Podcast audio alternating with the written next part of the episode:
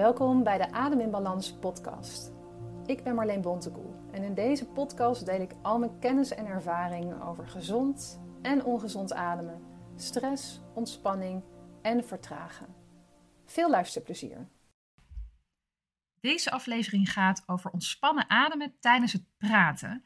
En dit is een primeur voor de Adem in Balans podcast, want ik heb voor het allereerst een gast, namelijk Jolande Kielstra van Adempunt.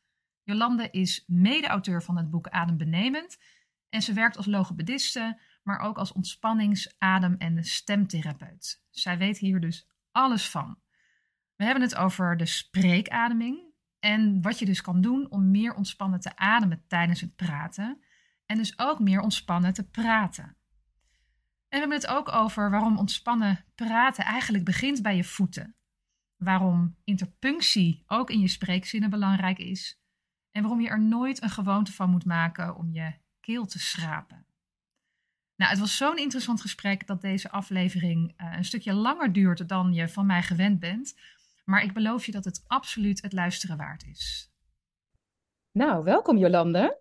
Te gek dat je er bent. Ja, leuk om hier te zijn. Dankjewel voor de uitnodiging. Misschien is het leuk als jij jezelf eerst even voorstelt.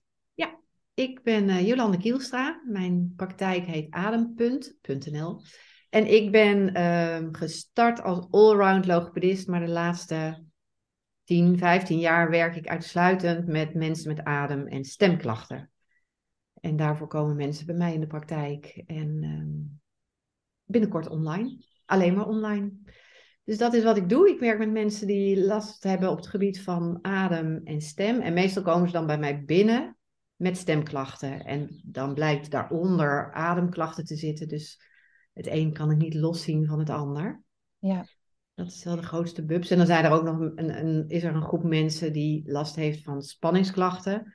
Maar ook onder stem zit vaak spanningsklachten. Dus het komt allemaal een beetje zo samen. Ja, interessant hè? Niks staat los van elkaar. Nee, nee, nee, maar dat vind ik ook, weet je, ik ben echt opgeleid als een soort traditioneel logopedist. Um, en destijds, is echt, echt wel lang geleden inmiddels, was het ook heel erg, keek je naar kleine stukjes. Dus mensen kwamen voor hun stem en je werkte aan hun stem. En ik heb inmiddels ook een yogaopleiding gedaan. Ik ben yogadocent en ik heb een adem- en ontspanningstherapieopleiding gedaan. Daar ben ik ook, uh, dat is ook een vak van me. Alles zit samen hoor, in het ene werk wat ik nu doe.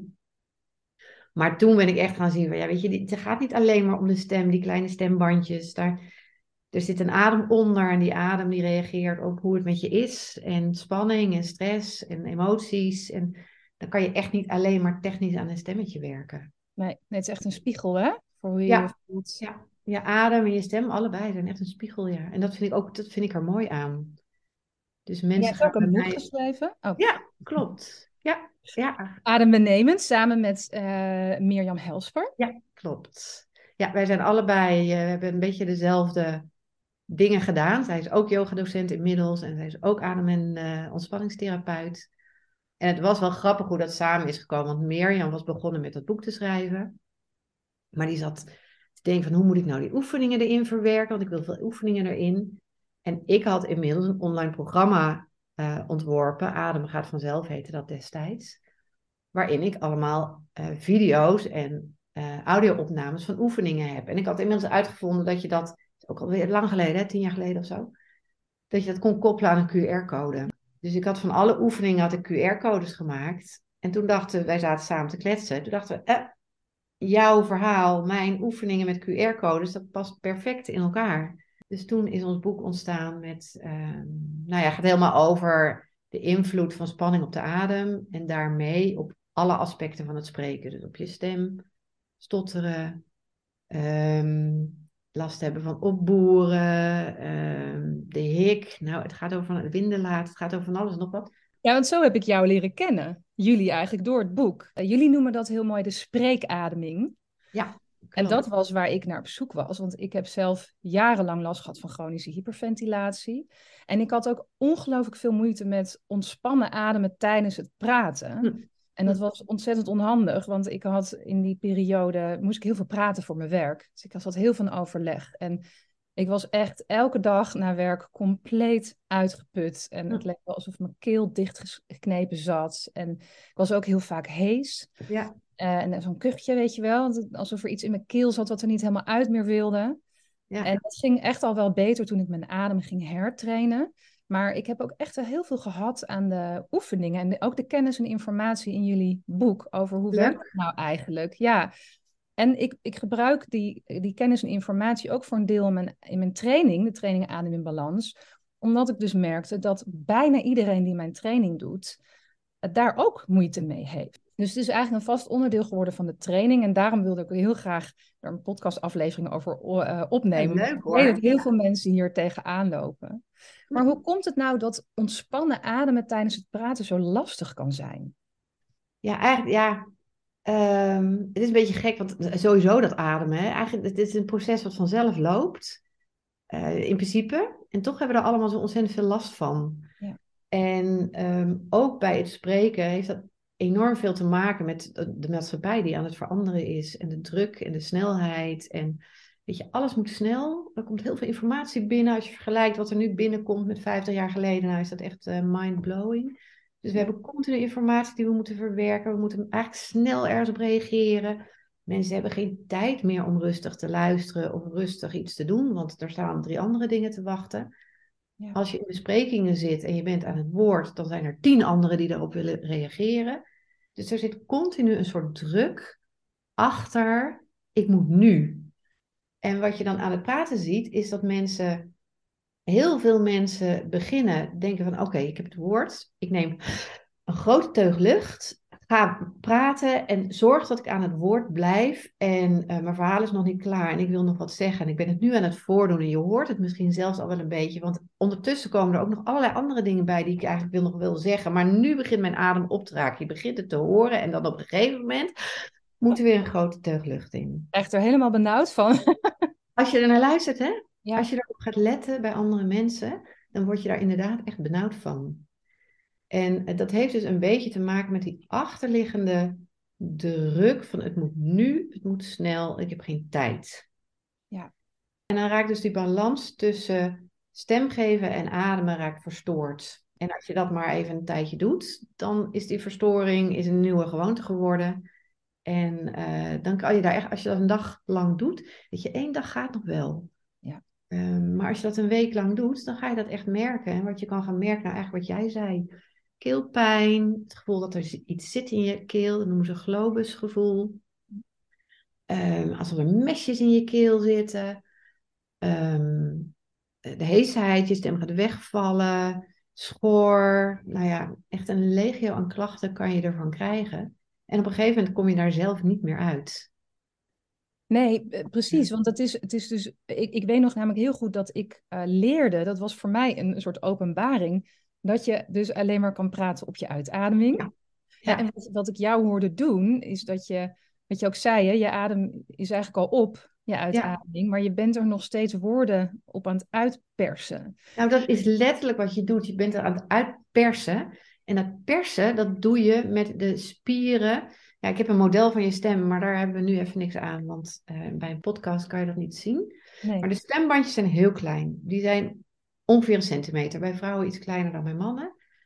En aan die stembandjes, dat zijn uh, spiertjes en daar zitten ook nog allerlei andere spiertjes aan vast.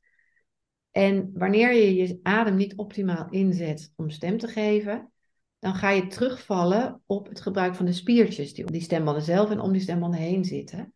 En die zijn daar niet voor bedoeld. Het gaat wel, daarmee kan je wel die stembanden aansturen, dan gaan ze wel trillen. Maar ze zijn er niet voor bedoeld. Ze zijn eigenlijk alleen maar bedoeld om de stembanden langer en korter te maken. En dat is hoger en lager met je stem. Maar ze zijn niet bedoeld om de bron van de stem te zijn en om de kracht van de stem te zijn. Als je die spiertjes wel continu inzet, dan raken die overbelast. Net zoals andere spieren overbelast raken. Waardoor die stembanden niet goed meer kunnen sluiten. Dan word je hees. Of je gaat persen, je gaat die stembanden met die spieren tegen elkaar aan duwen. En dan zit er veel te veel spanning in dat gebied. En dan krijg je dus keelpijn, brokgevoel. Want dan snoert het daadwerkelijk een beetje dicht. Je keel wordt een beetje dichtgeknepen doordat die spieren zo aan het knijpen zijn. Ja. En dat voel je, dat kan je voelen. En dat, dat kan ook, denk ik, eh, want ik herken ook heel erg bij mezelf dat ik dan last kreeg van mijn kaken, maar ook van mijn nek en mijn schouders en op mijn borst. Dus dat Die spanning die je eigenlijk creëert doordat, dat eigenlijk, doordat je te veel woorden op een uitademing uh, praat. Ja. Dat kan dus ook spanning op andere plekken veroorzaken. Ja, want en net zoals de stem niet een geïsoleerd ding is, daar heeft adem en spanning mee te maken. Zo zijn ook die stemplooitjes, stemspiertjes en de spiertjes daaraan vast, die, die zweven niet los in je keel. Daar zitten de grotere keelspieren aan, die weer aan de mondbodem vastzitten, die weer aan de kaakspieren vastzitten, die weer aan de hals en de schouders en de nek en achterin de bovenrug vastzitten. Sterker nog, hoe je je voeten neerzet, heeft effect op hoe je stem klinkt. Dus het is niet alleen maar daar helemaal bovenin die stemplooitjes. Eigenlijk moet je helemaal onderaan beginnen bij hoe zet je je voeten neer, hoe zit je, hoe sta je, um, hoe kan de adem bewegen. Ja, wat, wat eh, kan je dan als voorbeeld geven wat voor invloed dat dan heeft?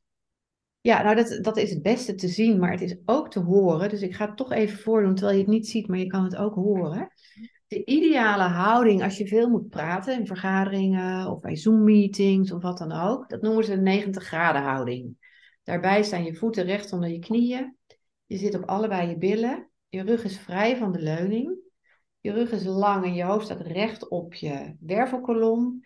En daarmee is dus de hoek tussen je knieën 90 graden, tussen je bovenbenen en je bekken 90 graden en tussen je hoofd en je schouders 90 graden.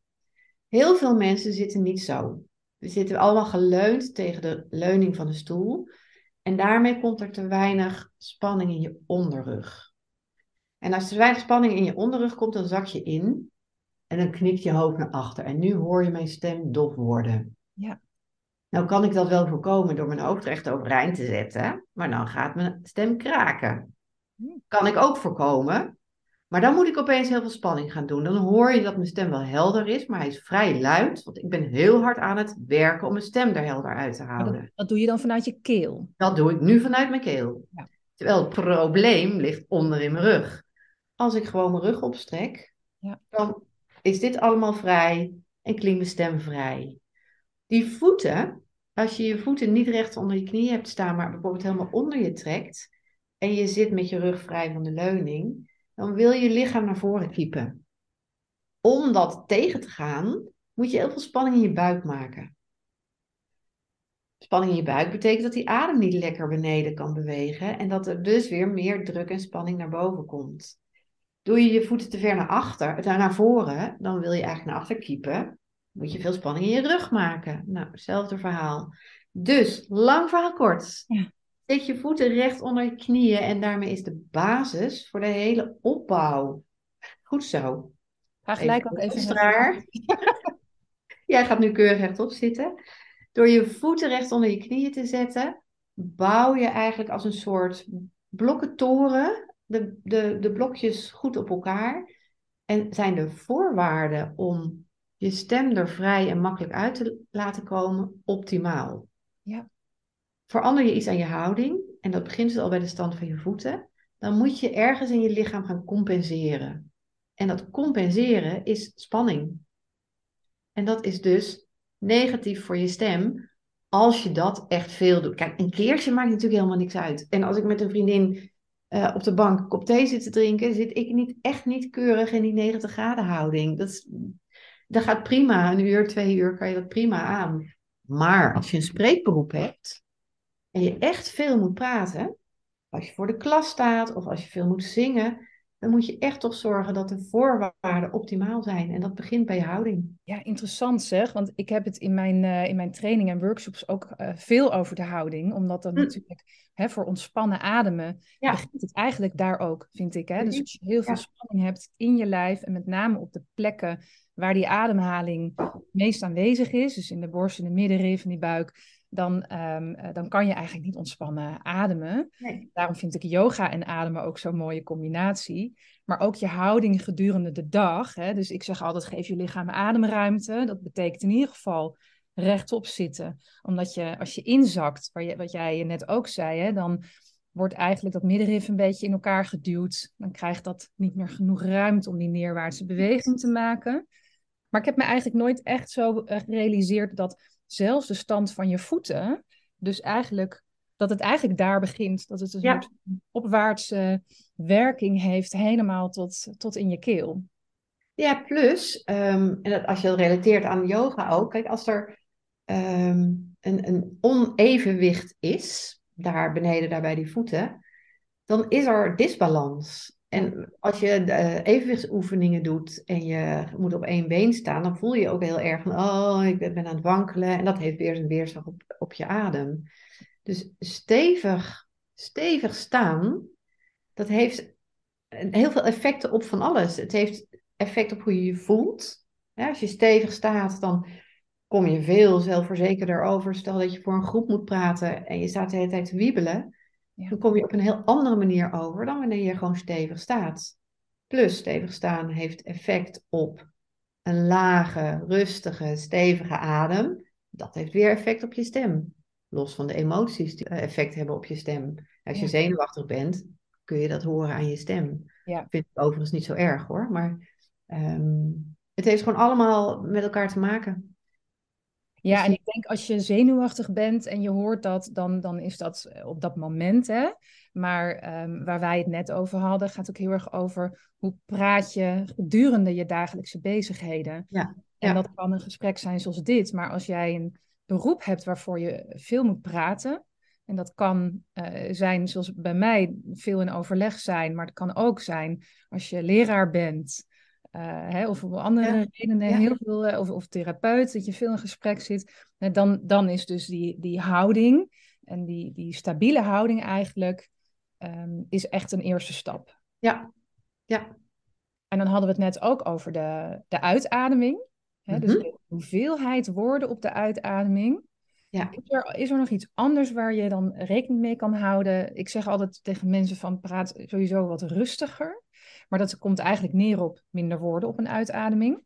Ja, ja. Een, een goede spreker die zegt gemiddeld 7 tot 10 woorden op een adem, op een uitademing. En als je zou opschrijven wat je zegt, dan zet je ook om de 7 à 10 woorden wel een leesteken, een komma of een punt. En als er geen lees- leesteken staat, dan staat er een voegwoord.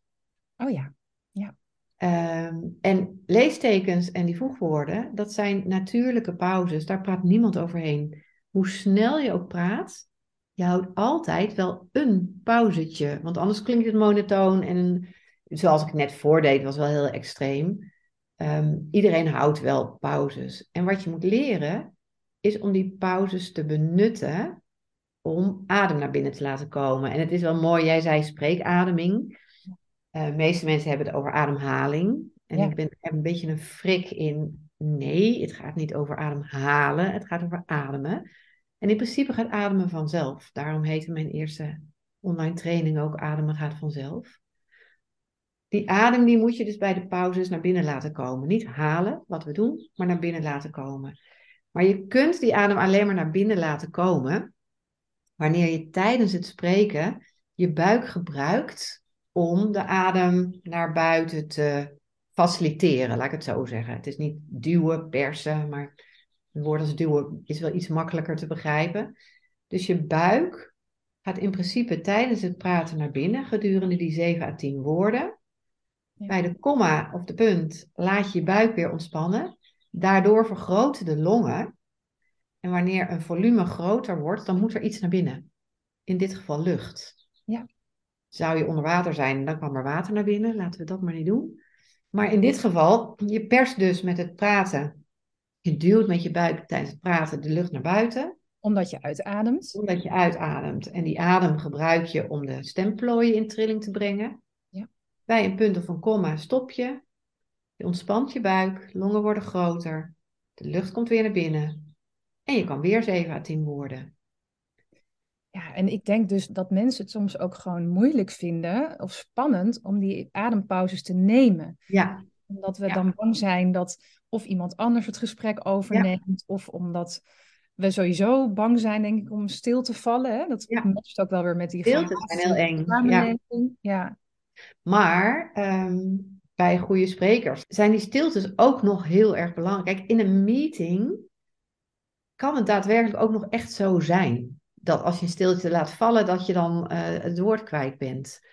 Eh, en wat dan heel veel mensen doen, ik weet niet of je dat ook bij jezelf herkende, is dat je ehm, bijvoorbeeld iemand is aan het woord en je wil wat zeggen, dan ongemerkt neem je vast inademing en je houdt je adem vast. Maar dan is het voor de rest van de groep duidelijk van, oh, zij wil wat zeggen. En dan kan je invallen op het moment dat iemand even stilvalt. Maar dat is eigenlijk een hele ongezonde manier om te doen. Ja. Maar wanneer je een spreker bent, zoals nu dat ik aan het woord ben, ehm, of dat je voor een groep staat of les geeft, dan zijn die pauzes niet alleen voor mij belangrijk, maar ook heel erg voor de luisteraar. Want hoe meer pauzes ik laat vallen, hoe meer de luisteraar de tijd heeft om te verwerken wat ik gezegd heb. En even te processen, oh ja, ademstem, daar ging het over. En dan ga ik weer door en dan kun, kan de luisteraar ook het volgende onderwerp weer aan. Ik denk ook dat het veel prettiger is om te luisteren naar iemand die rustiger praat. Hè, dan iemand die heel gehaast praat. Ja, het, weet je, het hangt wel ook een beetje af van de situatie. Als ik echt iets over te brengen heb en ik wil dat mensen begrijpen wat ik zeg en het onthouden en ergens mee naar huis gaan met, met kennis, dan moet ik zorgen dat ik rustig praat, pauzes laat vallen, zodat ik ook kan, kan checken van hoe komt het over, um, is het begrepen. Maar als ik iets heel nieuws te vertellen heb, of heel enthousiast ben, of echt wil mensen wil grijpen en boeien en naar binnen willen hengelen, dan kan het heel functioneel zijn om even wat, wat sneller en, en enthousiasme en energie erin te brengen. Ja. Om vervolgens weer terug te schakelen naar een rustiger manier van praten. Met meer pauzes en meer verwerkingstijd.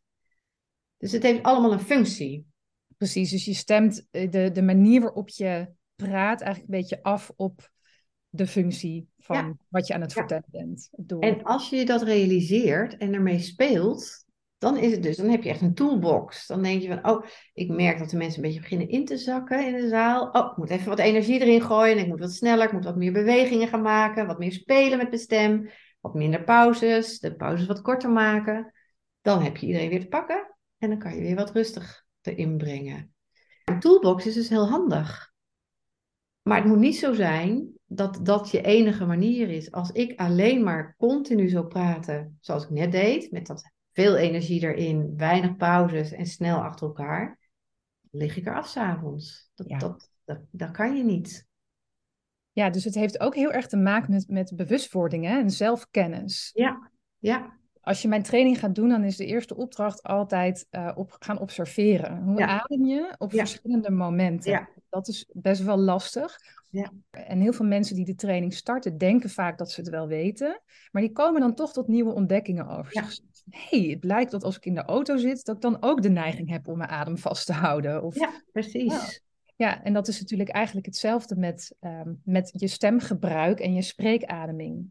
Ja, nou ja, het is, we hadden het helemaal in het begin erover. Je adem is een spiegel en je stem is een spiegel.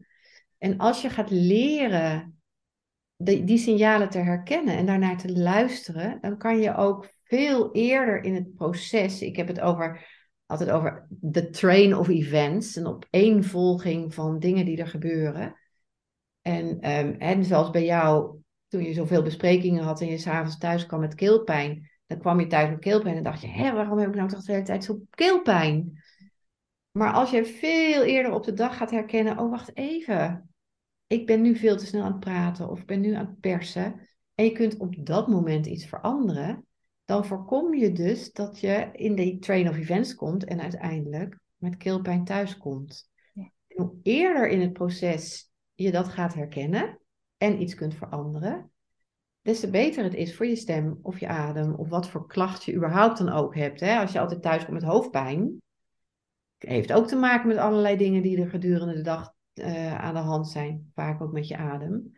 En als je dat dus veel eerder in het proces gaat herkennen, kan je voorkomen dat je in die hoofdpijnaanval komt.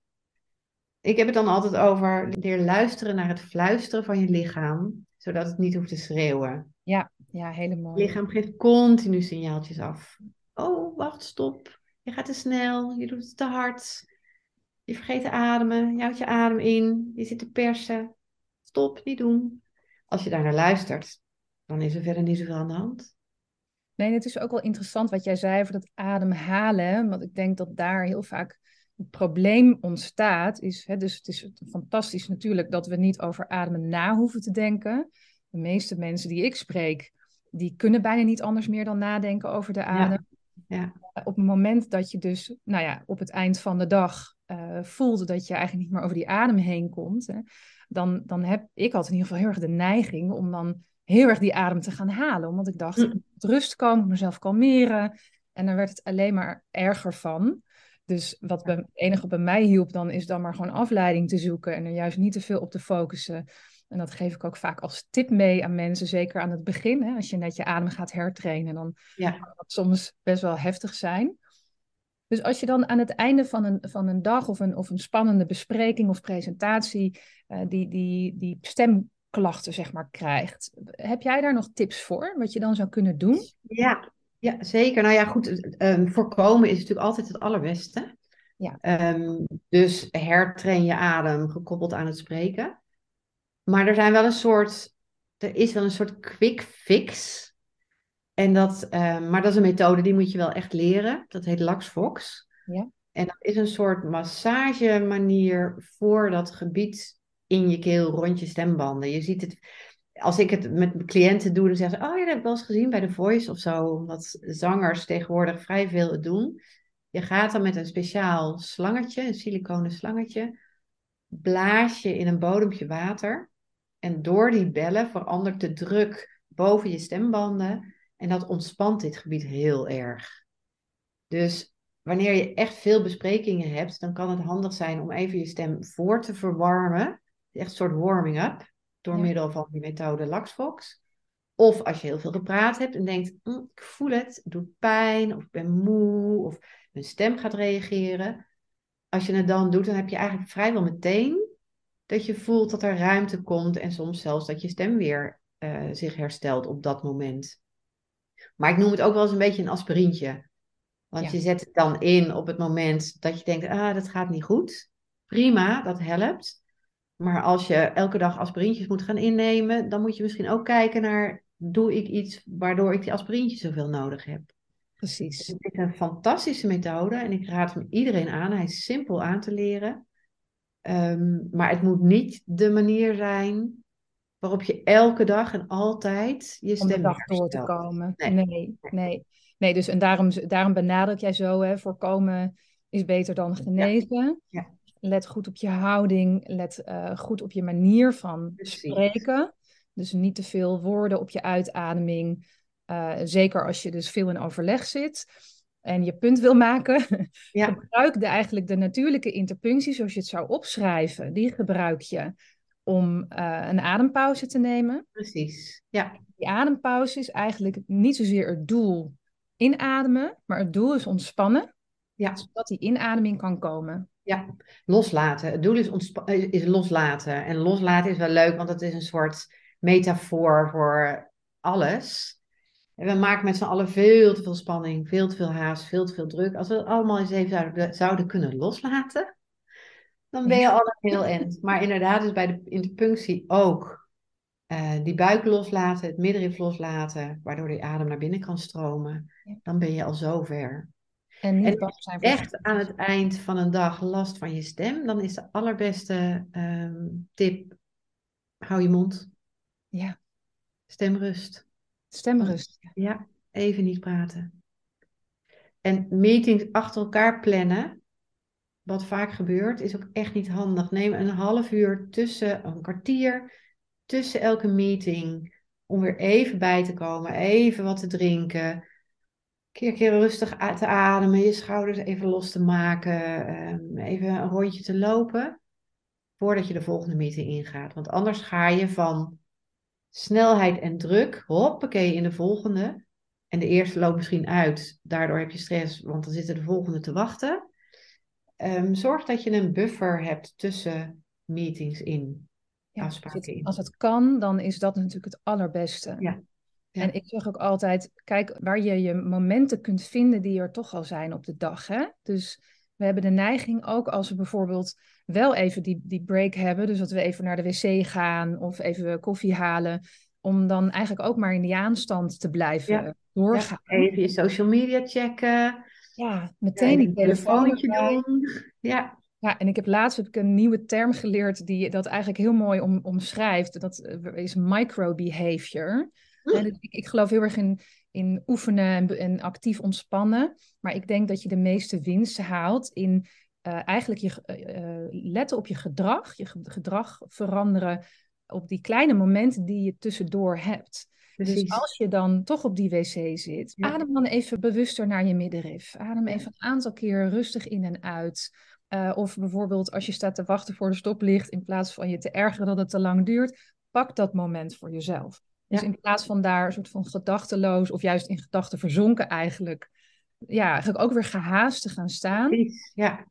pak daar je momenten om jezelf tot rust te brengen. ja, en even die schouders te laten zakken. Ja. Keertje diep in en lang uit te ademen. Ja, en dan heb je, als je dat een paar keer op een dag doet, dan heb je al zoveel gewonnen. Er komen bij jou ehm, vooral mensen eh, met stemklachten, maar dat Ja. zit natuurlijk altijd gerelateerd aan de adem. Ja, Zie jij ook mensen die bijvoorbeeld hun stem verkeerd gebruiken en daardoor ademklachten ontwikkelen? nou, eigenlijk de meeste, niet iedereen, het is niet één op één. Maar de meeste mensen die met stemklachten bij me binnenkomen, blijken ook een soort chronische hyperventilatie te hebben. Ja, ik noem het dan altijd liever dysfunctioneel ademen. En bij de mensen met stemklachten, die dus inderdaad heel erg de neiging hebben om dat ademhappen en maar hele lange zinnen op een adem te zeggen, daar blijkt vaak een dysfunctionele manier van ademen gedurende de dag onder te liggen. Ja. Wat bijvoorbeeld ook heel veel, daar hebben we het nog helemaal niet over gehad, maar wat een van mijn andere stokpaardjes is, eh, de meeste mensen ademen door mond. Ja. Continu. Dat aan zich is al een dysfunctionele manier van ademen. En heeft ook heel erg zijn weerslag op je stem. Want wanneer je door je mond ademt, droogt eigenlijk het hele gebied van je mond naar je keel, naar je longen, droogt uit. Ja, je verliest heel veel vocht hè, als je op je... Je verliest kan heel je- veel vocht. En die stembandjes, die kunnen alleen maar optimaal bewegen wanneer dat gebied soepel en vochtig is. Als je door je mond ademt, droogt het uit. En dan krijg je dat je denkt van het kriebelt daar een beetje of het is er droog. Dat klopt, dat klopt. En je kan wel drinken, drinken is goed, perfect. Alleen denk niet dat met dat slokje wat ik nu neem, het probleem is opgelost. Want daar bij die stembanden komt dat slokje water überhaupt niet. Ja, over zes uur. Het duurt een uur of zes voordat de cellen dat slokje water opgenomen hebben. Dus wanneer je continu veel water drinkt, of continu water drinkt, dat is prima. Maar als je door je mond ademt en denkt, oh, ik moet nu praten, het is hier droog, ik neem een slokje water. Je mond wordt vochtig, maar dat gebied rond de stembanden niet. Het probleem ligt dus bij dat je door je mond ademt. Als dat mijn takeaway mag zijn, twee takeaways. Eén, gebruik de natuurlijke pauze in het spreken om adem naar binnen te laten komen. En twee, adem altijd door je neus. Ja. Kijk, er zijn natuurlijk wel momenten dat je, als je echt even een sprintje moet trekken of echt heel intensief bezig bent, dat je overschakelt naar mond. Maar echt zo lang mogelijk adem door je neus. Dat is voor je stem, maar voor zo ontzettend veel meer dingen goed voor je. Maar nou is het natuurlijk, want ik ben het helemaal met je eens. En voor wie eh, deze podcast eh, vaker luistert, die weet dat. Neusademen heeft ongelooflijk veel gezondheidsvoordelen. Voordelen voor je adem ook, voor functioneler ademen. En ik krijg heel vaak de vraag van mensen van, ja, moet ik dan ook uitademen door mijn neus? Hè? Want we krijgen heel vaak geleerd, dat, dat is zowel in de sport als in de ontspanning. Dus als je vaker yoga doet, hè, dan adem in door je neus, uit door je mond. Nou, dat kan natuurlijk even een, een functie hebben. Als je even lekker uitzucht, dan kan je lekker wat, eh, wat oppervlakkige spanning loslaten of wat verder in je lijf zakken. Maar dan zeg ik inderdaad ook altijd uitademen door je mond, zo min mogelijk. Met name ook vanwege eh, vochtverlies. Maar als je praat, dan adem je natuurlijk uit door je mond. Ja, en ook in door je mond. Dus Ja. dat is eigenlijk de enige situatie dat het normaal is om door je mond te ademen. Ja. Want de weg door je neus kost meer moeite. Hij is langer en je middenrif moet harder werken. En dan denk je van ja, maar dat is toch niet goed? Nee, daar, daar is dat middenrif voor bedoeld. Die moet dat werk doen. Dus dat is prima. Alleen tijdens het praten heb je daar te weinig tijd voor. En het is ook heel onnatuurlijk. Dan worden het echt hele lange stiltes. En lange stiltes. En een beetje zo'n snuif komt er dan. Omdat mensen dan denken, ik moet toch even snel ademen. Dus het is logischer om door je mond te ademen. Plus, jij had het over spanning in je kaak. Wat, je, wat mensen vaak moeten leren is tijdens, wanneer je die adempauzes hebt en je je middenrif ontspant, moet je ook je kaak ontspannen. Ja. Want er zit een verbinding tussen je kaak, je middenrif en ook nog je bekkenbodem. Wanneer je spanning in één van die drie kringspieren houdt, dan is het ongelooflijk moeilijk om laag en diep door te ademen. Dus ook juist veel vrouwen maar hebben te veel spanning in de bekkenbodem. En wanneer ik dat nu aan het doen ben, dan voel ik meteen spanning rond mijn middenrif. Ja. En het is heel moeilijk om dat gebied te ontspannen. Maar dat werkt ook zo met de kaak. Wanneer je spanning vasthoudt in de kaak tijdens het praten ja. en niet loslaat bij de pauzes, dan is het heel moeilijk om dat middenrif wel te ontspannen. En dat loslaten van de kaak, ja, dat hangt samen met de adem door de mond naar binnen laten komen op dat moment. Ja. En wat ik, mensen niet moeten vergeten is uitademen door je mond tijdens sport of tijdens yoga-oefeningen is prima, want door het, het, het, het hoorbaar maken van die uitademing verleng je hem ook. ook. Ja. Langer uitademen is sowieso een advies waar veel mensen wat aan zouden kunnen hebben. Dus het inzetten als tool, daar hebben we hem weer, is het prima. Even een minuutje, hoorbaar uitademen. Met, je zet je, je boventanden op je onderlip en je blaast als het ware die adem uit. Prima. Maar het is een oefening, het is een tool. Het is geen normale manier van ademen gedurende de dag. Als ik dat de hele dag zou doen, dan is het dysfunctioneel ademen. Dus je moet heel goed snappen waarom je zoiets doet, hè? wat de functie van, daarvan is. En dat verlengen van die uitademingen, dat zorgt ook dat het zenuwstelsel uh, gekalmeerd wordt. Dus dat heeft uh, absoluut voordelen voor ontspanning. Maar dat is niet hoe je de hele dag door wil ademen. Nee. En als je dan wel veel praat gedurende de dag, omdat je leven nou eenmaal, of omdat je graag praat, dat kan natuurlijk ook nog, dan is het dus extra belangrijk om goed op te letten dat je tussendoor echt door je neus blijft ademen. Ja. Niet maar weet je, niet alleen tussendoor. Ehm, kijk, nu was jij even aan het woord. Als ik dan ondertussen met mijn mond open zit, ja, helemaal niet nodig. Terwijl jij praat, is mijn mond dicht. En dat is natuurlijk ook in spreekberoepen. We praten geen acht uur achter elkaar per dag. Er zijn altijd momenten dat je even niet praat of luistert. En dan moet meteen je mond dicht zijn. Precies, dus zelfs de, de momenten in een gesprek waarop de ander aan het woord is, zijn dus rustmomenten voor jou. Ja, ja. ja. mooi. Ja. Ja, ja, mooi zoals je dat zegt inderdaad. Want je kunt die momenten inderdaad ook echt even gebruiken om zelf weer Ehm, een beetje als het ware achterover te leunen, even te checken hoe is het met mij, adem ik nog door, uh, al die dingen. En dan reageer je weer. In plaats van heel erg in de ander te zijn en te luisteren en te moeten reageren. Een beetje achterover. Ook een oefening, denk ik. Want ik heb die neiging ook heel erg als ik in gesprek ben, dat ik dan heel erg met die ander, dat ik dan, dat, dat vind ik ook leuk. Dat is een bepaalde verbinding waar ik ook behoefte aan heb. En volgens mij stond dat ook in uh, jullie boek, hè, dat, dat, dat je dan soms ook de neiging kan hebben om heel erg naar voren te gaan leunen ja. en je nek soort van uit te steken. En ik had dat toen wij um, in die eerste lockdown ineens allemaal thuis kwamen te werken, had ik dat ook heel erg met het beeldscherm. Ja. Want ik moest wennen aan, kun je me nog wel zien of verstaan? En dat ik merkte dat ik heel erg in dat beeldscherm dook. En er moet een soort balans eigenlijk zijn tussen um, jezelf ontspannen blijven en, en die rust pakken.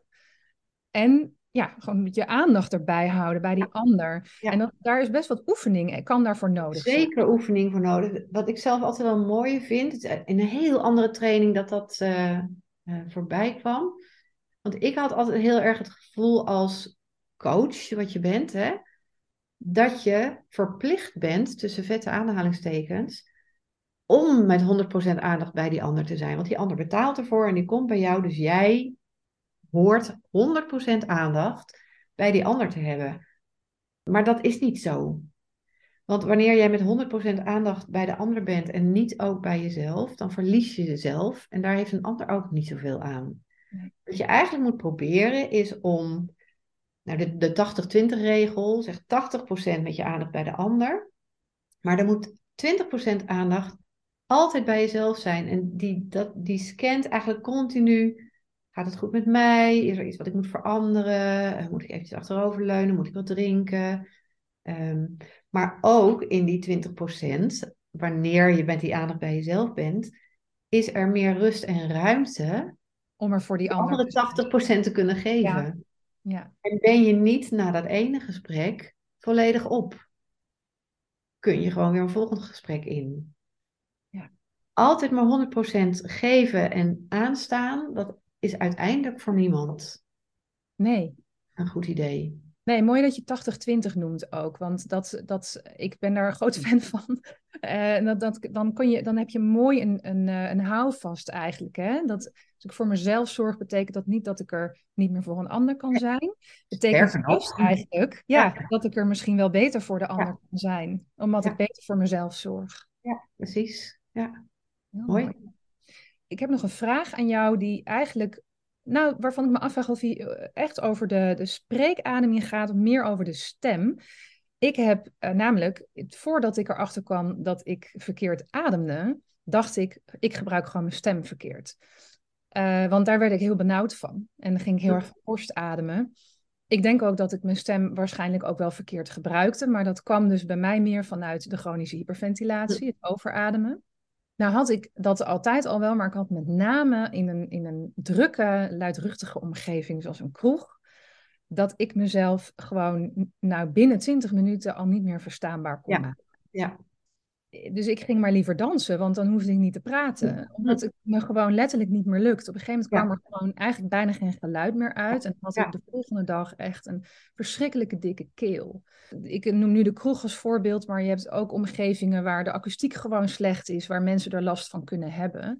Wat zou jouw advies zijn? Hoe kan je daar nou mee omgaan? Ja, goede vraag. Ehm, je ziet het veel bij eerstejaarsstudenten hè, ook. Eh, je hoort aan eh, stemmen of ze eerstejaars zijn. Ik heb mijn hele eerste jaar ben ik hees geweest. Ja, ja. Nou, wat je, wat je ziet is dat met veel lawaai of omgevingruis, maar ook bij Zoom-meetings, is dat mensen de neiging hebben om te denken, ik moet harder praten. Nou, in een kroeg en omgevingslawaai is dat natuurlijk ook daadwerkelijk zo. En harder praten, dat resulteert bij de meeste mensen in heel veel spanning in de keel. Want die gaan heel erg duwen om die adem eruit te krijgen, of de, die stem eruit te krijgen. En dat, dat is echt heel veel spanning op de keel. En daar zijn die spiertjes niet op, eh, op berekend. Dus daar krijg je binnen no time last van. Wat je zou moeten doen, twee dingen, is onthoud de regel dat hoe harder je praat, des te meer energie dat kost. En wat is de energie die we graag willen leveren voor je stem? De adem. Dus dat betekent als je harder praat, dat je kortere zinnen kunt maken. Als je al de neiging hebt om te lange zinnen te maken en je gaat het ook nog eens op een luider niveau doen, dan, dan is die kracht op die stembanden zo groot, dat, trekken ze helemaal niet. Eigenlijk zou je nog kortere zinnen. Kijk, als jij eh, als je op straat ziet dat een kind aan het oversteken is terwijl er een auto aankomt en je wil even keihard roepen, hé, hey, kijk uit, er komt een auto. Dan kan je echt alleen maar hey roepen en dan is al je adem al weg. Want die heb je volledig ingezet om dat hey te roepen. Dat is natuurlijk extreem, maar die kroeg die zit daartussen. Je moet echt best wel veel luider praten, dus je moet kortere eenheden op een adem zeggen. Eh, dat één. Maar eigenlijk wat je moet doen als er veel omgevingslawaai is, is niet harder praten, maar je stem zo gebruiken dat die, er komt er een klank in, dat noemen we de zangersformant of de 3000 hertz toon. Dan komt er een klank in je stem, waardoor je stem als het ware als een mes door de boter, een mes door het lawaai heen gaat en aankomt aan de andere kant. En een goed voorbeeld, je denkt, hoe moet dat dan? Denk eens aan, nou ja, ik vind het een mooi voorbeeld, maar dat is inmiddels een beetje ouderwets misschien. Je had zo'n serie op de televisie, The Nanny, met Fran Huppeldepup.